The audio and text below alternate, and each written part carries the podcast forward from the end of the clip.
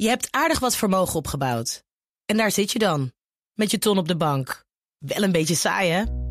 Wil jij, als belegger, onderdeel zijn van het verleden of van de toekomst? Bridgefund is een slimme fintech die een brug slaat tussen de financiële behoeften van ondernemers en van beleggers. Dus wie belegt bij Bridgefund krijgt niet alleen een mooie vaste rente, maar brengt ook ondernemers in beweging. Echt waar, met die ton kan je zoveel betere dingen doen. Bridgefund. Make money smile. De BNR Techniek Tour wordt mede mogelijk gemaakt door Wijtechniek. Wijtechniek. Samenwerken aan jouw ontwikkeling. BNR Nieuwsradio. De Techniek Tour. Carlijn Meinders. Wereldwijd is er een groot tekort aan schoon drinkwater. Lange tijd klonk dat als een probleem waar wij niet zoveel last van hadden. Maar inmiddels is er in Nederland ook steeds vaker sprake van droogte of te zout grond- en oppervlaktewater. Nadenken over alternatieve bronnen is dus ook hier nodig. Bijvoorbeeld gefilterd zeewater of gefilterd brak grondwater. Maar wat moet er gebeuren voordat dit drinkbaar genoeg is? Om het antwoord op die vraag te vinden heb ik allereerst afgesproken met Sid Vollebrecht. Bedenker en oprichter van Elemental Watermakers. We zijn in de, de haven van Scheveningen. Je hoort het een beetje hè, op de achtergrond. Aan de Ergens zuidkant. een bootje. Vlakbij het strand. En we staan hier naast onze, onze nieuwste uitvinding. Dat is de Elemental Water Source. En wat gebeurt er hier precies? We staan hier voor een, een container. Een kleine 8 voet container. En in deze container hebben we een zeewaterontziltingssysteem gebouwd. Die volledig werkt op de duurzame energie van zonnepanelen. Dus dit kun je overal neerzetten en dan heb je alleen de zon nodig om het te laten werken. Ja, op elke kustgebied waar eh, zowel de zon en de zee aanwezig zijn... kunnen we met deze container drinkwater uit zeewater maken. Ja, want dat is wat jullie al een behoorlijk tijdje doen. Ja, Elemental Watermix, wij zijn sinds 2012 zijn wij bezig. En eh, wij focussen ons alleen echt op, uh, op ontzilting en uh, duurzame energie. Uh, toen wij begonnen, ontzilting is, is eigenlijk een proces wat heel energie-intensief is. Dus er is veel stroom, veel energie voor nodig. En voorheen werd dat vooral gedaan door fossiele energie. Dus naast dat dat, duur is, is het natuurlijk ook, zorgt het voor extra klimaatverandering. Wat weer meer, meer leidt tot droogte. Dus een vicieuze cirkel. Ja. Dus wij, uh, ja, wij hebben eigenlijk gezegd, we gaan het anders doen. We gaan het energie-efficiënter doen. En we gaan het met duurzame energie doen. Zodat we een, eigenlijk een, een, ja, een duurzame oplossing voor het waterprobleem kunnen bieden. Ja. Op plekken waar water schaars is. Uh, het proces van ontzilten zelf, hoe ingewikkeld is dat? Ja, ontzilten zelf is niets nieuws. Uh, het is eigenlijk, uh, bestaat het al jaren of 50, jaar of 60. wat wij gebruiken is membraantechnologie. Omgekeerde osmose, reverse osmosis. Ja.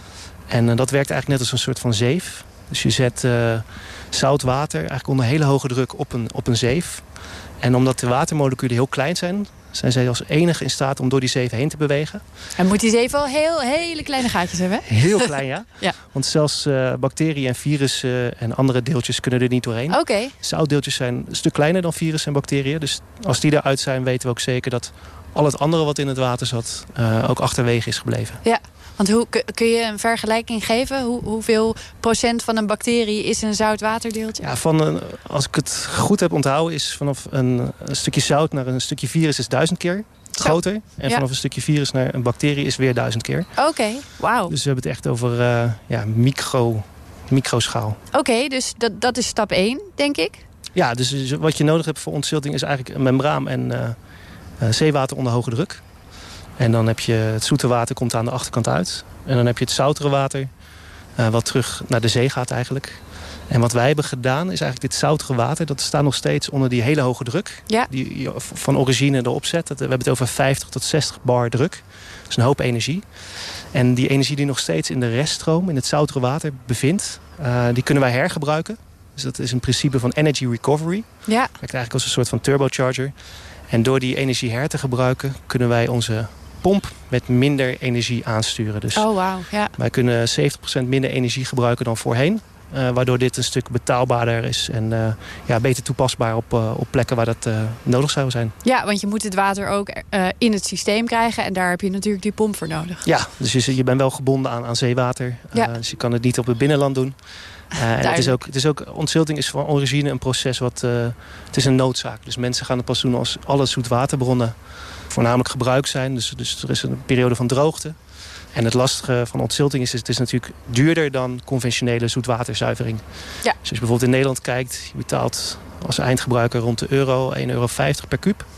Maar 30 cent daarvan zijn eigenlijk maar de kosten om het uh, water te schoon te maken. En de rest is, is distributie en, en belastingen en, en dergelijke. Bij ontzilting heb je het al gauw over een euro per kuub. Dus een factor 3 Ja. hoger. Dus, dus het is, eigenlijk gebruik je het alleen als de noodzaak hoog genoeg is. Ja, betekent denk ik ook dat, dat jullie klanten, de plekken waar dit soort installaties heen gaan, eh, vooral in het buitenland zitten. Ja, dus we, eigenlijk doen we alleen maar projecten in het buitenland tot nu Ja. toe. Eh, ze zijn al ongeveer 300 miljoen mensen die dagelijks hun water krijgen via ontzilting. En dit, eh, dit groeit momenteel met 20% per jaar ongeveer. Omdat Oh, wauw. waterschaarste... Zijn Ja. er- ondertussen zijn er 4 miljard mensen die hebben te maken met waterschaarste gedurende het jaar. Eh, dus de markt is gigantisch. En eh, nou, onze projecten die zitten in het Caribisch gebied. In, in de Filipijnen, in Indonesië, maar ook in Zuid-Afrika, in Madagaskar. We zijn nu bezig in Somalië, in Senegal, Tanzania, Belize, Chili. Dus eigenlijk op allemaal plekken waar zoetwater schaars is. Maar hoe krijg je zo'n installatie nou makkelijk naar al die locaties? En wie zorgt dat die daar zo snel mogelijk draait? Zeker nu reizen niet meer zo vanzelfsprekend is. Deze container, onze, onze Elemental Water Source, die hebben we eigenlijk ontworpen om hem heel makkelijk eh, plug-and-play eh, te verplaatsen en aan te sluiten. Ja. Dus als, eigenlijk als reactie op, eh, op COVID-19 hebben wij in maart eh, de ontwikkeling gemaakt om, eh, om een soort van IKEA-pakket te bouwen van onze techniek. Ja, Waarbij alle zonnepanelen, alle watertanks, alles past in de container. Ja. Eh, op locatie kan de container open. En binnen, binnen een halve dag kan het systeem worden geïnstalleerd. En ja. kan er drinkwater worden geproduceerd. Dus het is ook heel, heel nuttig voor bijvoorbeeld eh, ja, emergency response of disaster ja precies. In noodsituaties kan dit ook heel eh, goed werken. Ja, dus in het Caribisch gebied hebben we recentelijk orkanen gehad natuurlijk. Ja. wij hebben nu een mooie oplossing om dat soort plekken te kunnen, te kunnen helpen met eh, een primaire basisbehoefte. Ja, en, en als je wat, wat meer in de vrije tijdssector gaat kijken... dan zou dit weer heel goed werken voor een, een resort, misschien zoiets? Ja, dus als we, als we kijken naar het systeem... eh, dus we hebben een energiegedeelte en een watergedeelte. Dus het watergedeelte eh, gebruikt dus een stuk minder energie. Ja. Eh, en dat watergedeelte is ook heel goed toepasbaar... bijvoorbeeld voor, ja, voor resorts en hotels. We doen veel werk in het Caribisch gebied. Voor kleine resorts van 10 kamers... maar ook voor gigaresorts van 400 kamers. Ja. En dan gaat het vooral om kostenbesparing. Dus op het moment dat je aan je waterleverancier... meerdere euro's per kuub betaalt... zeg 4 euro, 5 euro per kuub... en je kan zelf dat water voor een euro per kuub maken... dan ja, is het natuurlijk een rendabele investering. Ja, dat, dat heb je hier in Nederland dan dus niet zo snel... dat het dat goedkoper is. Maar op andere plekken op de wereld wel. Ja, maar ook in Nederland zijn er steeds meer plekken... waar water getransporteerd moet worden... of waar eh, gedurende bepaalde seizoenen te veel droogte is. Ja. Eh, er zijn ook eh, een, aantal eilanden die kijken naar onafhankelijkheid. En eh, nou, zeker gezien de, de kostprijs en het duurzame aspect... sluiten wij ook niet uit om in de toekomst in Nederland projecten te doen. Onafhankelijk willen zijn in je watervoorziening... rekening houden met de toenemende droogte... allemaal redenen om naar iets als ontzilting te kijken.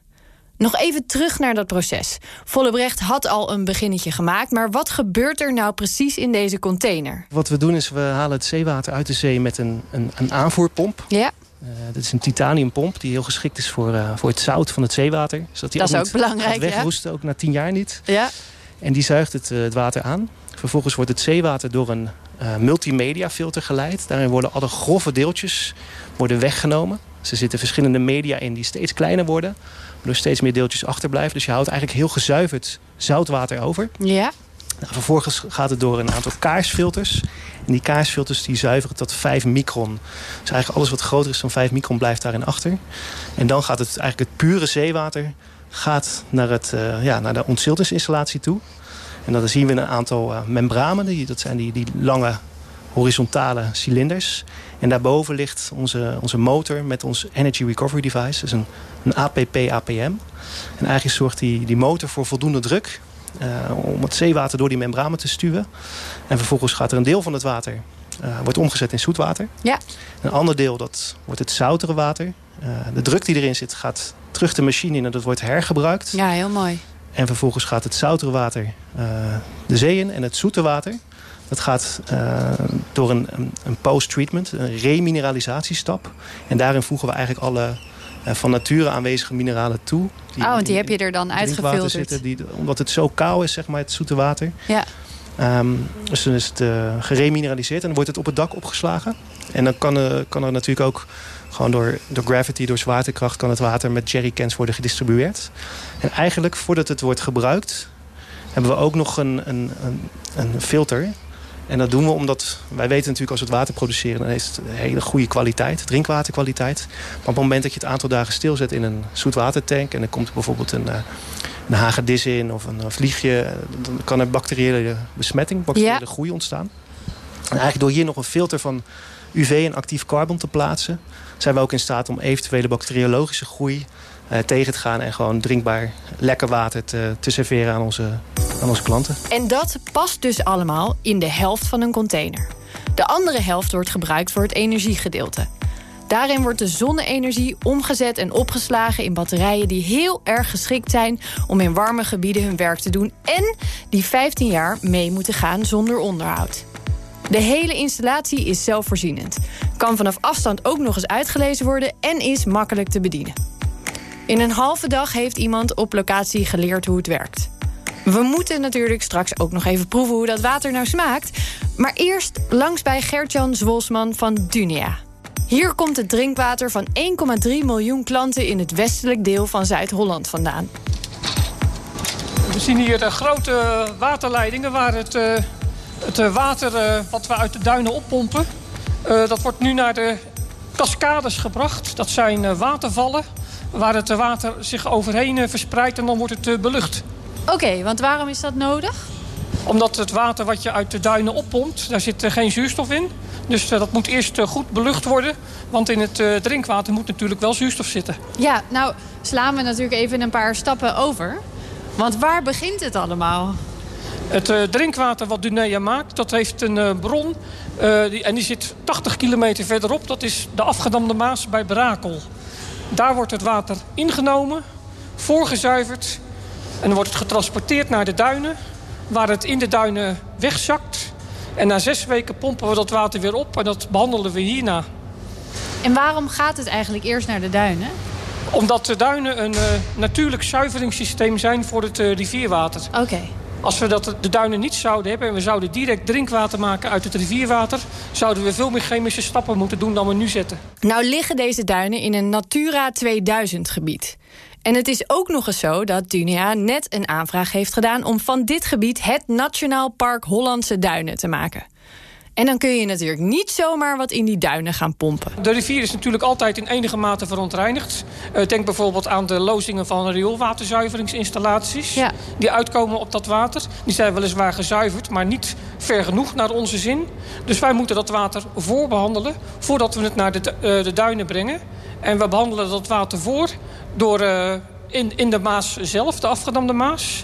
En daarna gaat het ook nog een keer over filters heen. Uh, bij Bergambacht, dus 30 kilometer verderop. En dat voorgezuiverde water voldoet aan alle eisen... om te kunnen worden ingebracht in de duinen. Want het is een natuurgebied, hè? De duinen zijn een prachtig natuurgebied.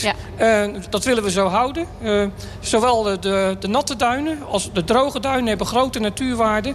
En die moeten wij beschermen. En we kunnen dus niet voedselrijk water bijvoorbeeld naar de duinen brengen.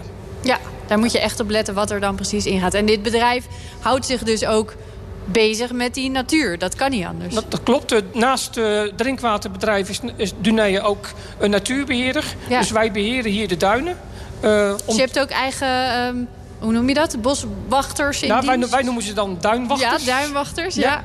Zeker. Uh, en het, uh, het, is, eigenlijk is het een win-win situatie. Als wij goed voor de duinen zorgen, zorgen de duinen goed voor ons drinkwater. We duiken dieper de installatie in. Het water komt dus vanuit de duinen hier weer binnen. En dan?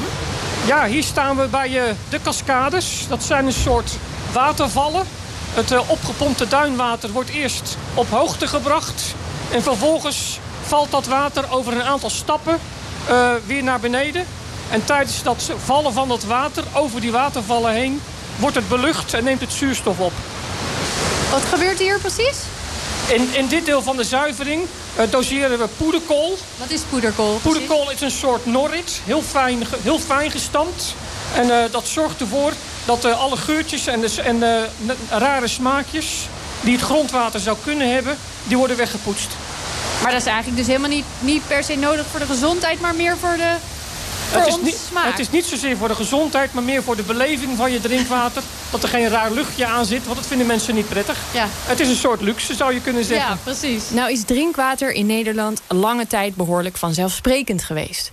Maar daar begint wel het een en ander aan te veranderen. Uh, het maakt dan wel erg veel uit waar in Nederland je bent. Oké. Okay. Met de droogte van 2018 hebben we gezien dat in het oosten van Nederland... waar het uh, water uit grondwater komt, ja. dat daar ernstige verdroging was. Dus uh, op de hogere zandgronden, zoals we dat noemen... denk aan Oost-Nederland, maar ook Noord-Brabant, Limburg, Drenthe... waar de winningen uit grondwater komen... die hebben erg veel last van droogte. En er zal altijd water zijn... Maar het gaat wel uh, ten koste van de verdroging. Ja. In West-Nederland, waar we het water uit oppervlaktewater halen... oppervlaktewater zal er altijd zijn. Dus wij verwachten niet dat wij tekorten aan water zullen krijgen. Okay. Aan inhoud, maar we zitten wel aan een maximale productiecapaciteit. Ja. En die productiecapaciteit, uh, denk aan hele warme zomers... met langdurig hoge vragen. Mensen willen hun badjes vullen, mensen gaan vaker douchen. Dan is het maar de vraag of we die piekvragen aankunnen. Dat hangt van je eigen buffer af natuurlijk. Ja. Maar ook van je, van je distributienetwerk, van je pompcapaciteit dat kon wel eens spannend gaan worden in de toekomst. En hoe, hoe kijken jullie daarnaar? Wat, wat zijn jullie plannen om daar nu al op in te spelen bijvoorbeeld? Uh, enerzijds zoeken we dat in innovatie. Uh, dus het, uh, het zoeken naar, naar nieuwe bronnen voor drinkwater. Naast de bestaande bronnen die we hebben. Anderzijds vragen we de mensen om bewust met water om te gaan. Ja. Om het niet te, zomaar, zomaar te verspillen bijvoorbeeld. En, en andere bronnen, dat klinkt nou, dat klinkt eigenlijk best wel moeilijk. Want waar ga je het dan vandaan halen? Nou, er zijn bronnen die in het verleden eigenlijk... Uh, waar men nooit aan dacht. Omdat ze zuiveringstechnisch heel ver uh, weg lagen. Ja. Maar door de ontwikkeling in de zuiveringstechnologie... is een bron als brak grondwater bijvoorbeeld... en zelfs zeewater... dat zijn bronnen die we nu zouden kunnen gebruiken. Ja, en je zit hier natuurlijk aan het strand. Dat, dat is er gewoon, dat water. Dat klopt. En we hebben dus in onze bronnenstudie... waar we allerlei nieuwe bronnen, maar ook bestaande bronnen voor drinkwater hebben gekeken... Ja? Eh, hebben we onderzocht wat de potentie is van bestaande en nieuwe bronnen.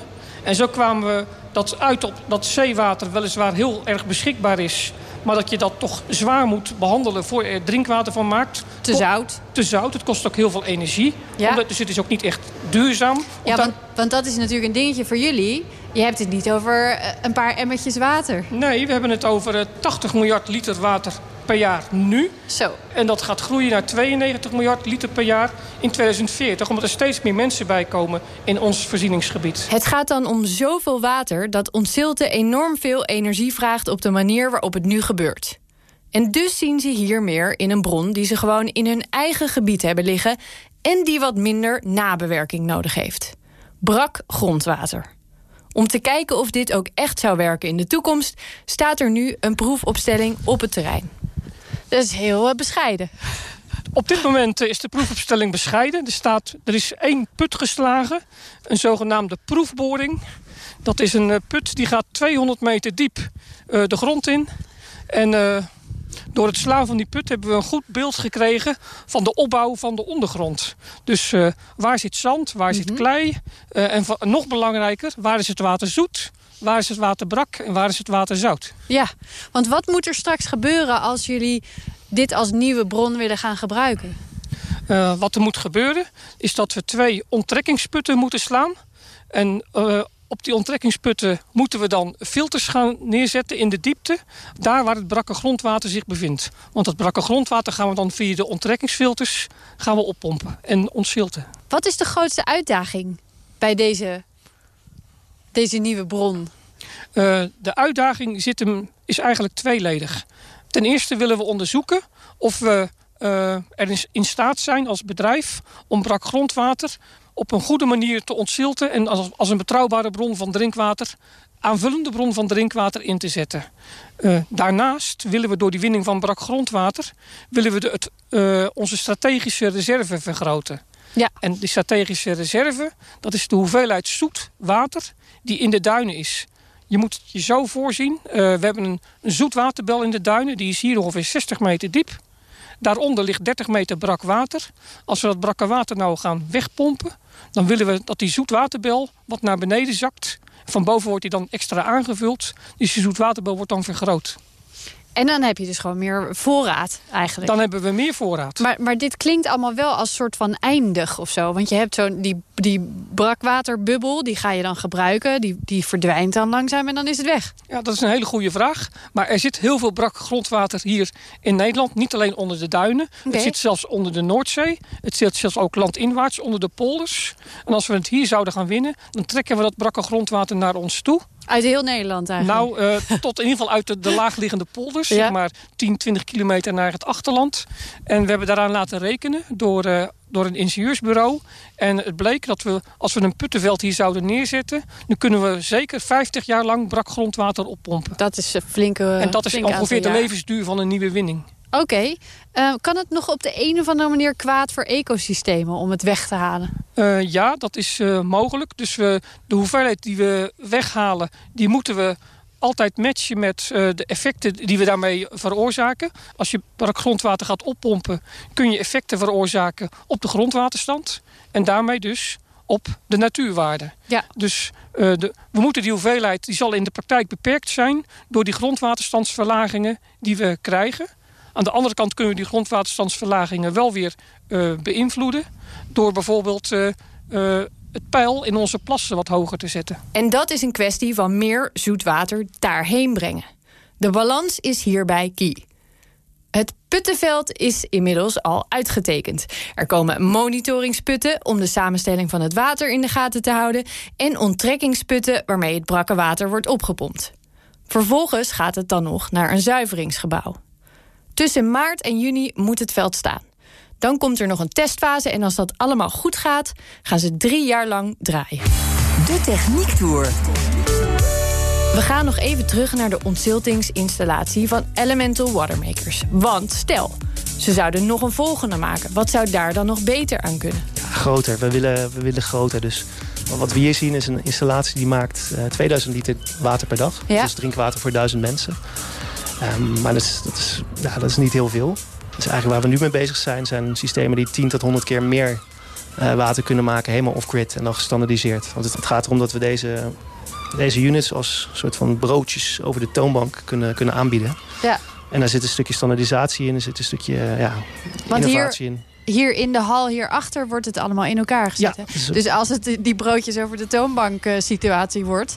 Dan, uh, nou, dan heb je wel een wat, wat dikkere productielijn ook nodig. Ja, nou, we, we hebben vorige week een container naar... Uh, echt een 30, 40 voet container naar Curaçao gestuurd. Ja. En die week ervoor een grote container naar Madagaskar. Dus, nou, dus inmiddels, gaat inmiddels gaat het ja. richting de lopende broodjes. Ja, ja. Kunnen we het ook proeven? Nou, we kunnen, hem, we kunnen hem allereerst eens even aanzetten. Het is Ja? natuurlijk vroeg, maar ik denk dat we voldoende zonne-energie hebben om het systeem aan te zetten. Wat hij eerst doet, is hij gaat eerst het systeem uh, met zoetwater flushen. Dat is om, om de membranen te, schoon te maken voor gebruik. Ja. Uh, ondertussen gaat de, de aanvoerpomp een hoop lawaai maken. Dus zie je op een gegeven moment hier dat het water gaat stromen. En dan zal de machine ook geluid gaan maken. Dus wat je nu hoort is de, de opstart. De fresh flush. Dus je ziet het, de valve gaat open. nou, dan gaan we lekker lawaai maken. En Ja, als het goed is zie je dan nu... Wordt het zeewater aangezogen. Oh ja. En nu komt het zeewater binnen. En dan kunnen we ook in de machine straks zien dat... uh, nou, het zeewater heeft van origine 35 gram per liter. En wat eruit komt is minder dan 0,4 gram per liter. En dat voldoet dan ook aan de wereldgezondheidsnorm. Oké. Okay. gebied van drinkwater. En dat kunnen we zo ook even proeven. Dat is misschien wel leuk om uh, Zeker, ik ben heel Noord, benieuwd. Noordzeewater te, te, te, proeven. Maar jij hebt het natuurlijk al wel vaker geproefd.